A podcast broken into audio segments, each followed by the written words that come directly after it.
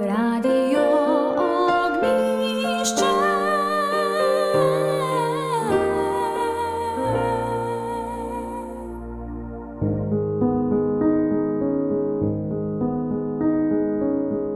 Pozdravljeni. V preteklih letih smo na Veliki petek k pogovoru povabili dr. Jožeta Pluta in profesorja dr. Stanka Gerjolja. Z obema smo govorili o smislu trpljenja, o preizkušnjah, bolečini. Veliki petek ali pa vsaka življenjska zgodba, ki nam ni po volji, je pomenska. Lahko jo zanikamo, lahko pa jo sprejmemo in iz nje skušamo potegniti čim več. Uiti je ne moremo, zanikati tudi ne. Zato je važno, kako se soočamo s trpljenjem.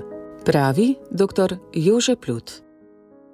Ja, veliki petek ali pa vsaka zgodba, ki se zgodi v življenju in ni taka, kot jo mi si želimo ali pa načrtujemo, je, je zelo pomenska.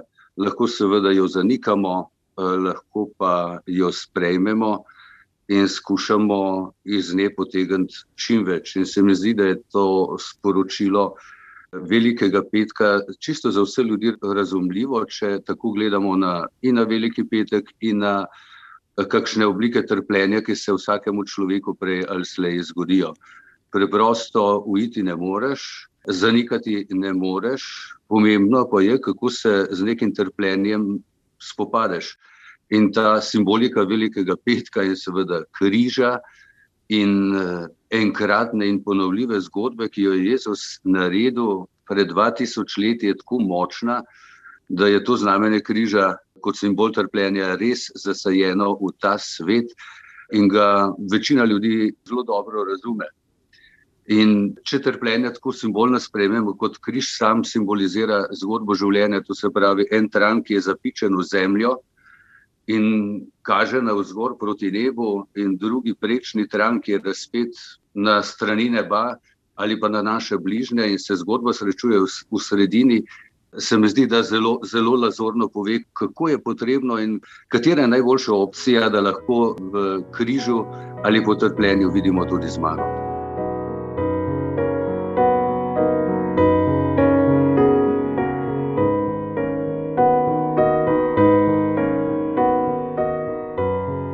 Gospod Jože Plut, človeško trpljenje ima vsaj toliko obrazov, kot je ljudi na svetu, pravzaprav še več, ne? ker se ne srečamo s trpljenjem, z bolečinami, krivicami, nepoštenostmi, razočaranji samo enkrat, ampak nas to spremlja vse skozi.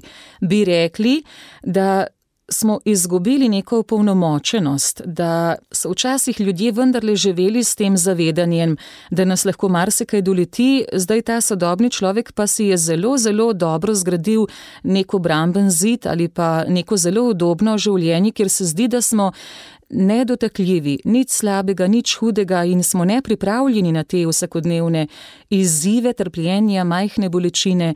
Kaj vi opažate ali ni nič kaj drugače, kot je bilo? Ja, človeštvo preprosto išče odgovore na vprašanje trpljenja na različne načine. Trpljenje pa seveda zelo, zelo različno, tako kot ste omenili. Je duševno, je duhovno, je čustveno, je telesno, je seveda tudi trpljenje, ki ga čutimo v svetu, trpljenje nedolžnih, so vojne.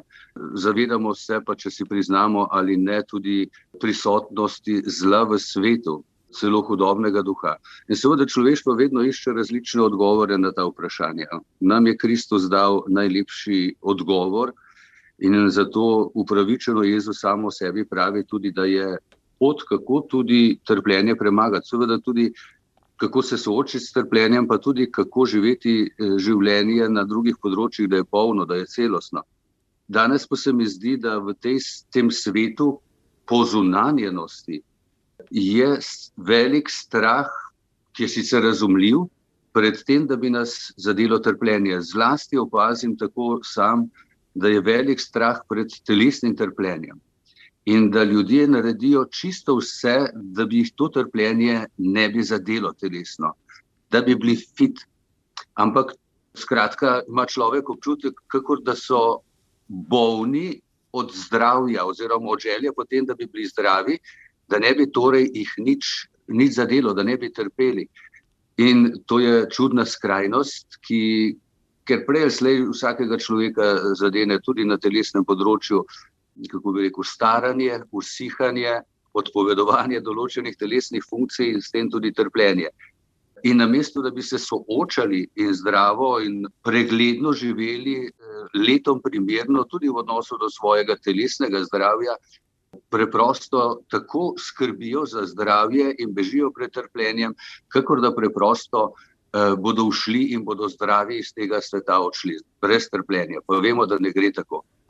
Tudi, če pogledamo mi te nazorne svetopisanske zgodbe, če se vrnemo k Jezusu, katerega danes smrtni dan in dan našega odrešenja se spominjamo, pa pogledamo Marijo.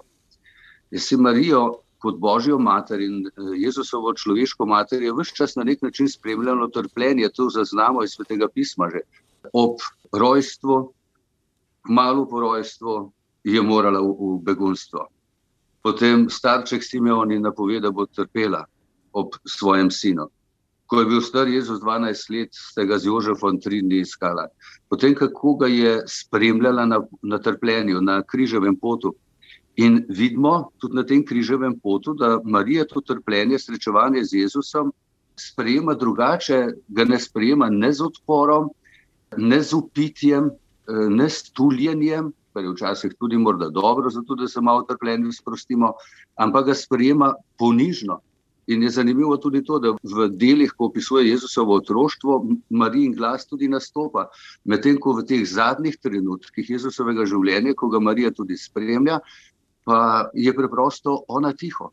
Ona sprejema trpljenja, ga razume, moli, tako kot eh, je rečeno na začetku Evangelija, da je vse te besede ohranila v svojem srcu in jih premišljala. In se mi zdi, da je to najboljši način za sprejemanje življenja. Ker če tako sprejemaš, sprejemaš življenje, celotno strpljenje, vendar ne vidiš samo trpljenja, vidiš tudi širšo zgodbo, vidiš smisel trpljenja, ki je zadaj, tako kot je Marija videla tudi Jezusovo ustajenje, tudi njegovo celotno poslanstvo in v to verovala. Tako tudi mi doživljamo lahko trpljenje, če se ne ukvarjamo preprosto samo s tem, da bi se izognili trpljenju, da bi umaknili se od trpljenja, da bi zbežali, ampak da bi se življenjem v polnosti borili. K temu smo poklicani.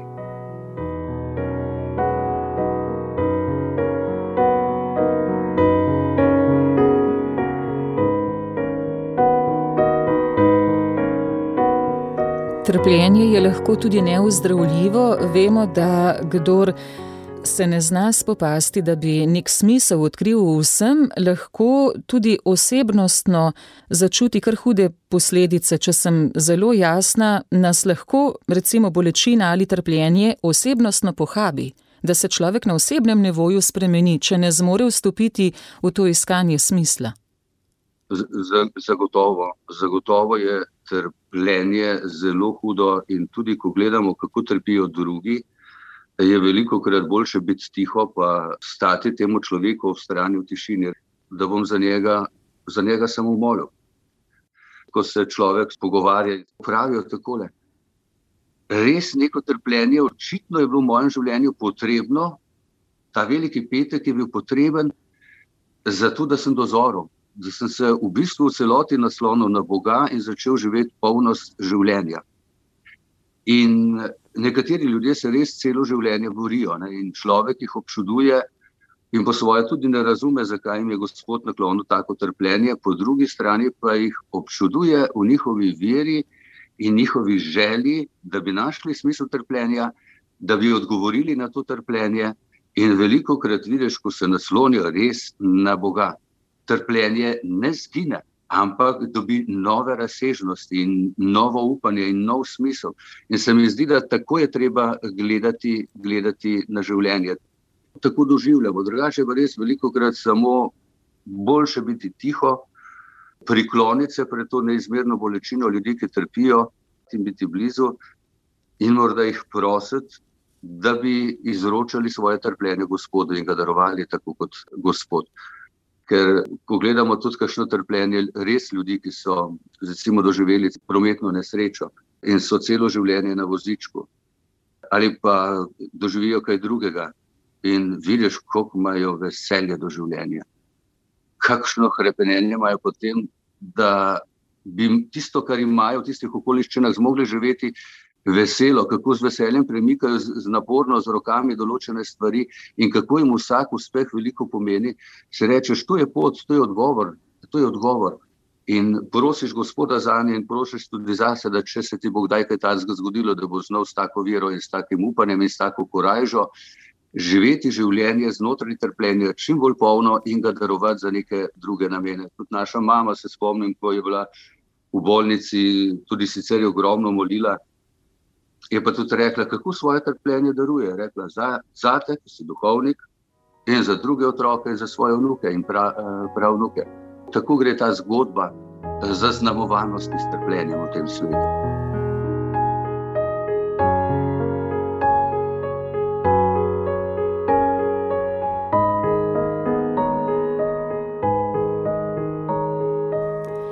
Torej, odkrivati nove in nove možnosti, kako kljub trpljenju ali ob trpljenju še vedno ostati upet v to resničnost vsakdanjega.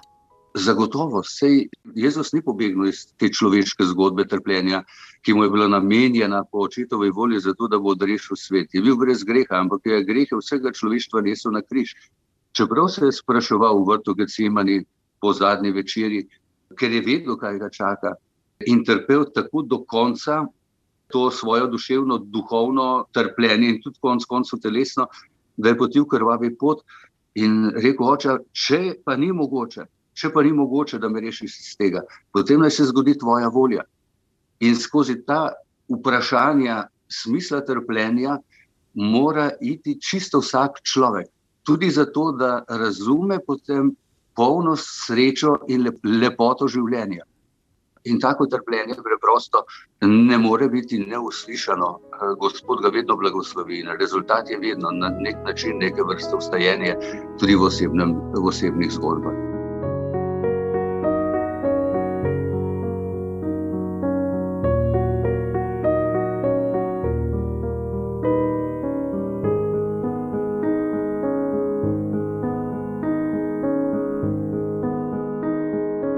Je treba razlikovati med trpljenjem in obupavanjem. Obstaja trpljenje, zaradi katerega dejansko upravičeno točemo lahko ljudje solze. Obstaja pa tudi trpljenje, v katerega smo se ljudje podali zaradi tega, ker smo se odločili za tako pesimistično življenjsko zgodbo. Ko preprosto nočemo videti izhoda in nočemo videti rešitve, ampak želimo, da se vse stvari vrtijo točno tako, kot smo si jih mi zamislili, zamislili da smo bolni od krepenja, potem da bi bili zdravi, in stvari vidimo pesimistično, ne vidimo izhoda, lahko samo vidimo slabo, samo negativno. Začnemo jamrati, negodovati, samo pomilovati, in tako rinemo v neko trpljenje, si ga torej sami dobesedno nakopavamo, čeprav ni potrebno. In s tem, to je bolj navidezno trpljenje, lahko v svoje okolje prinašamo tudi pri mnogih, pri drugih pa resnično trpljenje. Gospod pa vidimo in nam dopoveduje, da iščemo vedno rešitve in iščemo smisel tudi znotraj trpljenja. Lahko takega majhnega, lahko pa takega večjega. Zato s takim občudovanjem gledamo na ljudi, ki jih zelo močno trpljenje zadene, pa iščejo odgovor in iščejo Boga, iščejo smisel trpljenja in ga tudi najdejo, ne? ker vedno drži ta beseda: kdo išče, najde, kdo prosi, prejme odgovor tudi v trpljenju. To nam Jezus zagotavlja in to verujemo. Tako da je zelo pomembno, da znotraj nas ustvarjamo eno tako močno duhovno razpoloženje, pa ne samo razpoloženje, ker pri razpoloženju se hitro lahko stvari menjajo, ampak tudi odločenost da bomo vedno iskali odgovore in rešitev, in da se preprosto nikoli ne bomo vdali, korajšno naprej. Eh, Jezus nam je zopet tak univerzalni zgled. On ostane in gre naprej, gre naprej do konca. In to je ta univerzalna, močna zgodba, ki nam jo Gospod ponuja, ponuja na Veliki petek. Nam jo je naredil, zdaj nam jo ponuja pa kot pot in kot vero in kot čudovito sporočilo, da je vedno upanje in rešitev in stajanje.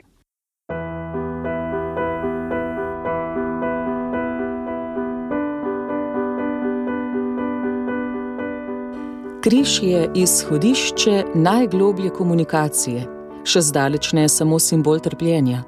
Je najbolj odprt simbol, ki si ga delimo tako v veselju kot v žalosti je misel profesorja dr. Stanka Gerjolja, ki je na vprašanje, kakšen je njegov intimni osebni pristop ob svetem tridnevju, posebej o velikem petku, povedal. Meni se zdi veliki petek vedno en tak sestavni del življenja. Cel ali vse veliki teden je tako zanimivo oblikovan, tako kot življenje približno. Spomnim se recimo na cvetno nedeljo ko je še veliko prazničnega in slovesnega ob vstopu, ob začetku še po, nekako delimo polno takega vzhičenja, eh, nekaj minut pozneje smo pa že v bolečini, smo pa že v trpljenju. Tako da ta diskrepanca med veseljem in bolečino se kaže že na cvetno nedeljo. Se meni zdi, da živimo bolj smiselno, pa tudi lepše, če nekako skušamo v sebi integrirati ti dve razsežnosti.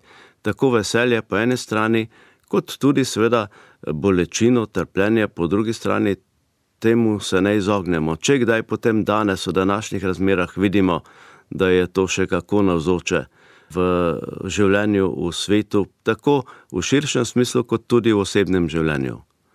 Če pogledamo že samo recimo ta veliki teden ali pa celo kompozicijo velikega tedna, po cvetni nedelji, ko je še veliko slovesnosti, se potem malo umirimo v naslednjih treh dneh in potem imamo to tri dnevje, kot pravimo, ko na veliki četrtek, če se jim tako reče, malo v narekovaju, skupaj jemo in se pogovarjamo, s tem se pripravljamo na veliki petek, na veliki petek skupaj trpimo, na veliko soboto skupaj upamo in hrepenimo in seveda na veliko nedeljo potem zopet ostanemo. Tako da je to nek tak zelo naraven ciklus čutenja, ki ga že v tem času in prostoru lahko zaslutimo, zaživimo, seveda pa to tudi nakazuje na tisto, kar nas presega.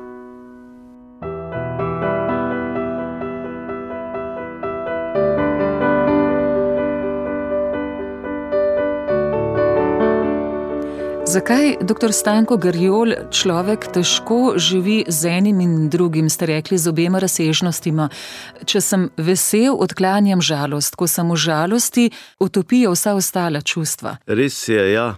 Po eni strani utopijo, po drugi strani pa, če to bolečino, trpljenje spremem, pa čustva tudi senzibiliziram. Že sam simbol križa eh, nakazuje, na ti dve razsežnosti. Križ je edino znamenje, kjer se reko, stranice ne srečajo, je, je najbolj odprt simbol. Križ si delimo tako veseljo, kot, kot v žalosti. Če gledamo, ne vem, kakšne športne prireditve, ko nekdo iz ekipe da gol, razširijo roke, telo sprostijo, postavijo v podobo križa in se objamejo je treba nekoga potolažiti, je tudi objem tista najbolj globoka komunikacija. E, se pravi, križ je nekako izhodišče najbolj globoke komunikacije, tako v bolečini, kot tudi v veselju. V tem smislu križ še zdaleč ni samo znamenje trpljenja, ampak je tudi znamenje e, veselja, sreče, polnosti. Je pa res, da če to dimenzijo bolečine sprejmemo, potem smo senzibilizirali vsa čustva, pravzaprav otopimo takrat, ko ne sprejmemo, ko ne moremo integrirati bolečine. Vsaka skupina, vsaka skupnost, vidimo, se je v bolečini bolj povezala dejansko kot v veselju.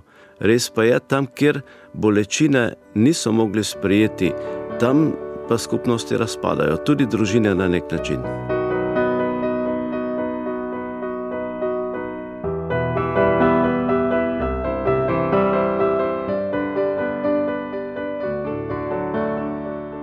Potem bi to lahko razširili kar na celotno družbo, da je začela razpadati, izgubljala je nek smisel, ker smo stavili na neko lahkotnost bivanja.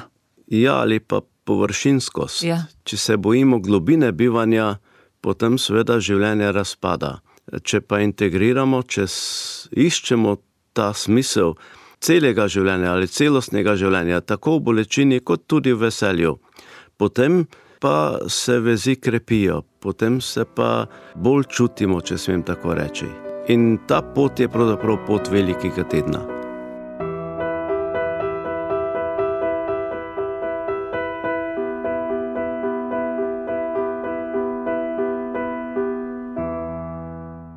Življenje, če ga živimo površinsko, niti ne prinaša radosti, ko so veseli trenutki, in niti ko boli, tega ne znamo usmisliti in razumeti. Torej, tudi v veselju se ne znamo potem izraziti. Ja, drži, če smo zelo površinski v veselju, da ne rečemo včasih tudi sebični ali egoistični, potem je to samo neko površinsko veselje, ki je vprašanje, če je res, rekel, tisto, če začutimo takrat tisto globino. Pa lahko tudi precej hitro izveni, je To škoda. navadno zelo hitro. Še zlasti, če je veselje včasih tudi pogojeno ne vem s kakšnim ozadjem, ki ni povsem čisto in pošteno. Bolečina nas, nas prečisti. Kako, če se smem priklicati v spomin, bolečina poveže, vidimo že recimo pri križovem potu. Simon je pristopil k Jezusu, Veronika je pristopila k Jezusu. Skratka, drži, da je bilo tudi v takih, ali pa da je tudi v takih situacijah veliko nekih agresivnosti in tako naprej. To povzroča bolečino, ampak je pa po drugi strani tudi veliko bližine.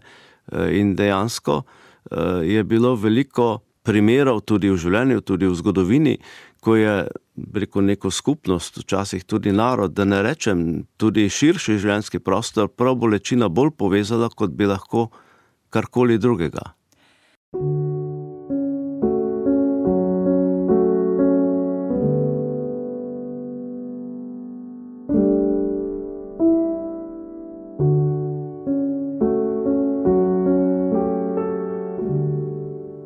Marsikaj nas zaboli, bolečino si povzročamo tudi drug drugemu, včasih ne hote, ampak z ne najbolj izbrano besedo, morda z mimiko, z govorico telesa sporočimo komu, da nam ni najbolj ljub.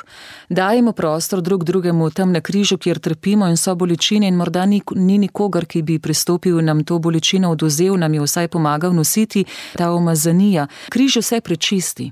Ja, eh, res je, križ ali pa rekel, če nekaj takega sprememo, potem stopimo v nek proces katarze, če smem tako reči, v nek proces prečiščevanja.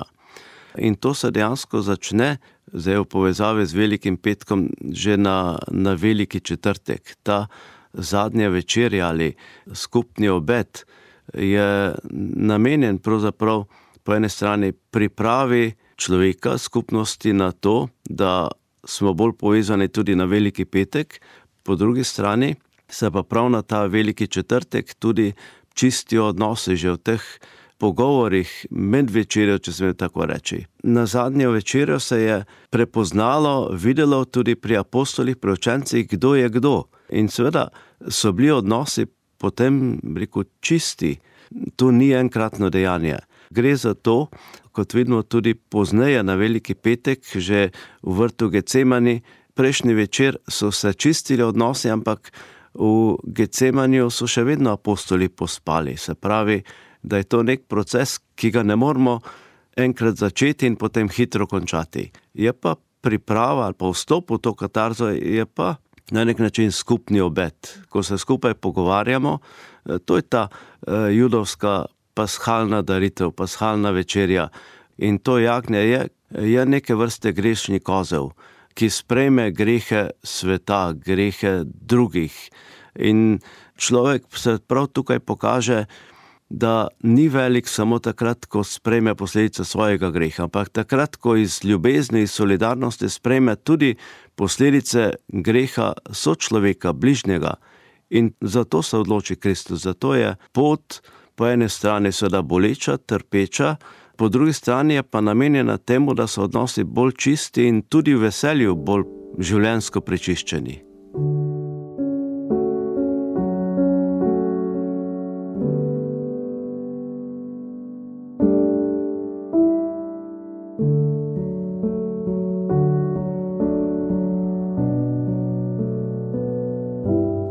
Veliko noč v svojem življenju lahko dosežemo ali dosegamo, torej le, ko zberemo ta pogum, da vstopimo v bolečino, da si dovolimo to katarzo, to prečiščenje, da upije križ naše tegobe. E, ja, je pa to čisto življensko. Tudi pri Jezusu vidimo, ko ga srečamo v vrtu Gecemani. Najprej pravi, če je mogoče, ne gre ta kilih mimo mene. To je naravna reakcija in je tudi dobra pri človeku, ko zasluti, da ga čaka nekaj bolečega. To izmikanje je včasih celo potrebno zato, da človek da telo prenese situacijo, ki ga pričakuje. S tem torej pripravimo telo tudi na to, da lažje prenese, preživi nekaj bolečega. Morda je ta prvi občutek, saj to ne more biti res. In seveda po tem prvem občutku, pa Jezus pravi, vendar ne moja, ampak tvoja volja ne se zgodi. Pa že začne sprejemati svoj križ, se pravi, integrirati to dimenzijo bolečine v svojo življenjsko pot. E, tako da je to nekaj preko naravnega, tudi dobrega. Res pa je, da ni dobro, če se ostavimo samo pri izmikanju.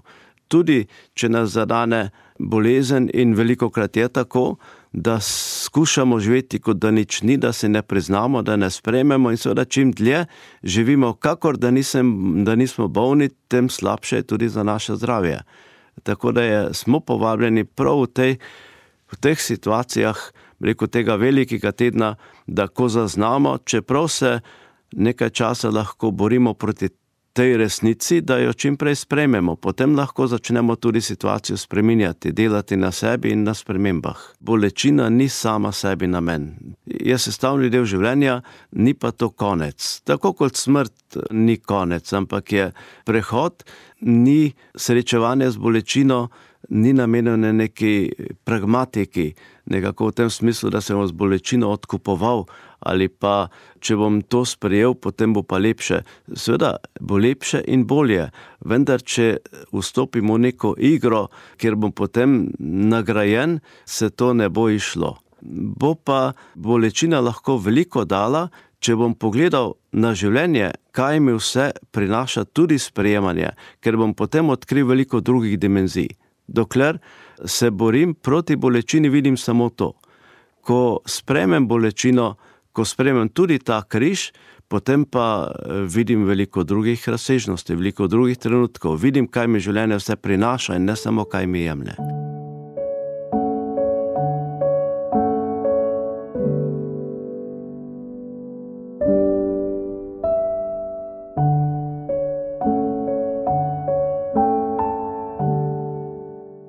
Ko ji dovolimo, da spregovori, se ne skrijemo pred njo. So ljudje, ki morda računajo na bolečino, na to, da odigrajo vse življenje to vlogo žrtve. Tako se je oklepajo, ker potem imajo občutek, da bo prišla tudi nagrada. Zakaj je tega tudi veliko? Ja, hvala lepa eh, za to zanimivo vprašanje. Ta vloga žrtve je pač morda še v tem prostoru še bolj navzoča kot marsikje drugje. Je pa res, vlogo žrtve lahko igram samo, dokler bolečine ne spremem. Ko jo spremem, potem nisem več žrtev in včasih je ta korak kar težak. Tudi v vsakdanjem življenju, da ne rečem v različnih vlogah, tako eh, v neki širši družbi, kot tudi v osebnem življenju, tudi v družinah, se nekdo navadi biti v vlogi žrtve in kar težko izstopi, ker seveda s tem veliko izgubi. Ko pa jaz neko bolečino sprejmem, potem sem pa sprejel, potem sem to jaz in me ne boli več, ne morem več tarnati, si pritoževati, ker sem pač sprejel. In prav tu se kaže, kje se pokaže tudi pri Jezusu, da je križ resnično sprejel. Sveda se kaže na celi tej poti, od e, njegovih pacev in ustajanj, to je vedno padec, je nek trenutek, ko po eni strani podležem, po drugi strani pa, ko zopet ostanem, prav v teh trenutkih odkrijem neke življenjske moči, resurse, bi lahko rekli, ki jih sploh ne bi odkril, če ne bi padel. Skratka, padec prebudi v meni moči, ki so mi bile do takrat neznane. In veliko krat se pokaže, da je človek sposoben večjih stvari, kot prej misli, da jih je, dokler jih ne, ne doživi. Potem imamo seveda eh, znamenje sprejetosti.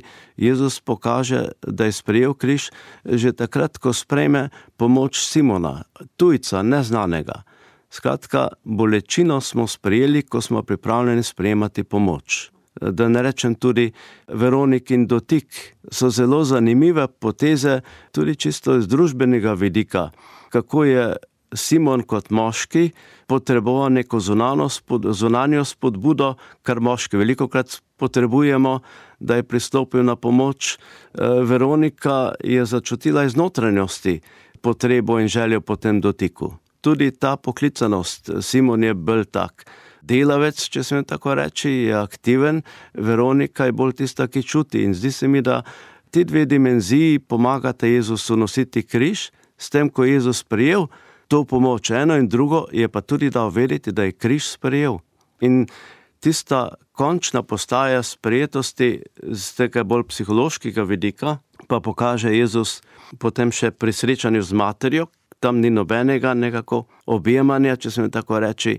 To srečanje je pravzaprav namenjeno temu, mati tu svojemu sinu odraslemu, da vedeti, ti to zmoreš. In Jezus odgovori zmorem. To je to srečanje dejansko. Se mi zdi, da tudi danes, ko govorimo o ljubezni mater do sinov in hčera, do svojih otrok, pa starše do otrok, zdi se mi, da je tista glavna dimenzija, seveda povezana tudi s to bolečino. Da takrat, ko uh, otrok, ki je odrasel človek, ko ga nekaj zaboli, da mu starši dajo vedeti, da on to zmore. To je na nek način zdrav odnos potem med starši in odraslimi otroki. In tu se tu pokaže, da je otrok, ki je odrasel, tudi sposoben sprejeti križ in ga nositi sam, samostojno. Da starši ne skačejo takoj v pomoč, ker potem ga imajo še naprej za otroka.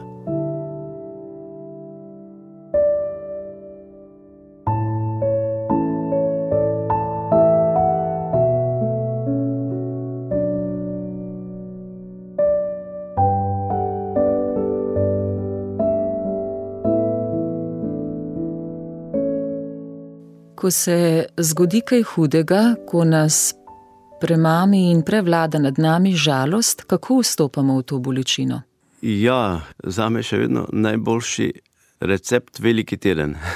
Vedno imamo razlog, da nečesa ne sprejmemo. Spreminjati je lahko začne šele potem, ko jo je sprejel ali ko smo integrirali to dimenzijo. Ko sprejmem, osmislim to bolečino. Torej, začnem iskati pa rešitve, tako, pa možnosti. Nadgradnje, da grem naprej v druge smeri. V druge smeri in seveda, da začutim ali zaslutim tudi smisel neke bolečine. Obrne pogled ven iz svoje situacije, ven iz svoje bolečine in to svoje bolečine dejansko osmisli. Zdi se mi pa, da je vedno prvi korak, ki ga v takih primerih skušam, skušamo narediti, je poiskati stik s seboj in svojo življenjsko situacijo. Ta občutja so življenjsko pomembna. Ko Jezus pravi, da je luč sveta, potem je to luč, ki orientira. Nismo vsi luč in tudi ni potrebno, ampak lahko jo iščemo, če je, jo bomo že našli. In se mi zdi, da takrat, ko človek začuti željo in zasluti to možnost, da stopi v te globine, če je ob tem nekdo drug, ki to živi, bo dovolj tudi za tega človeka, da bo lahko napravil ta korak takrat, ko bo za to potrebno. Potem je to znamenje, da je to možno. In takrat, ko bo nekdo drug začutil to željo, potrebo, lahko včasih tudi bo ob tem človeku dobil znamenje, da je to možno. In to je dovolj. Ko v življenju sprejmemo vse situacije, da je potem življenje globoko in lepo.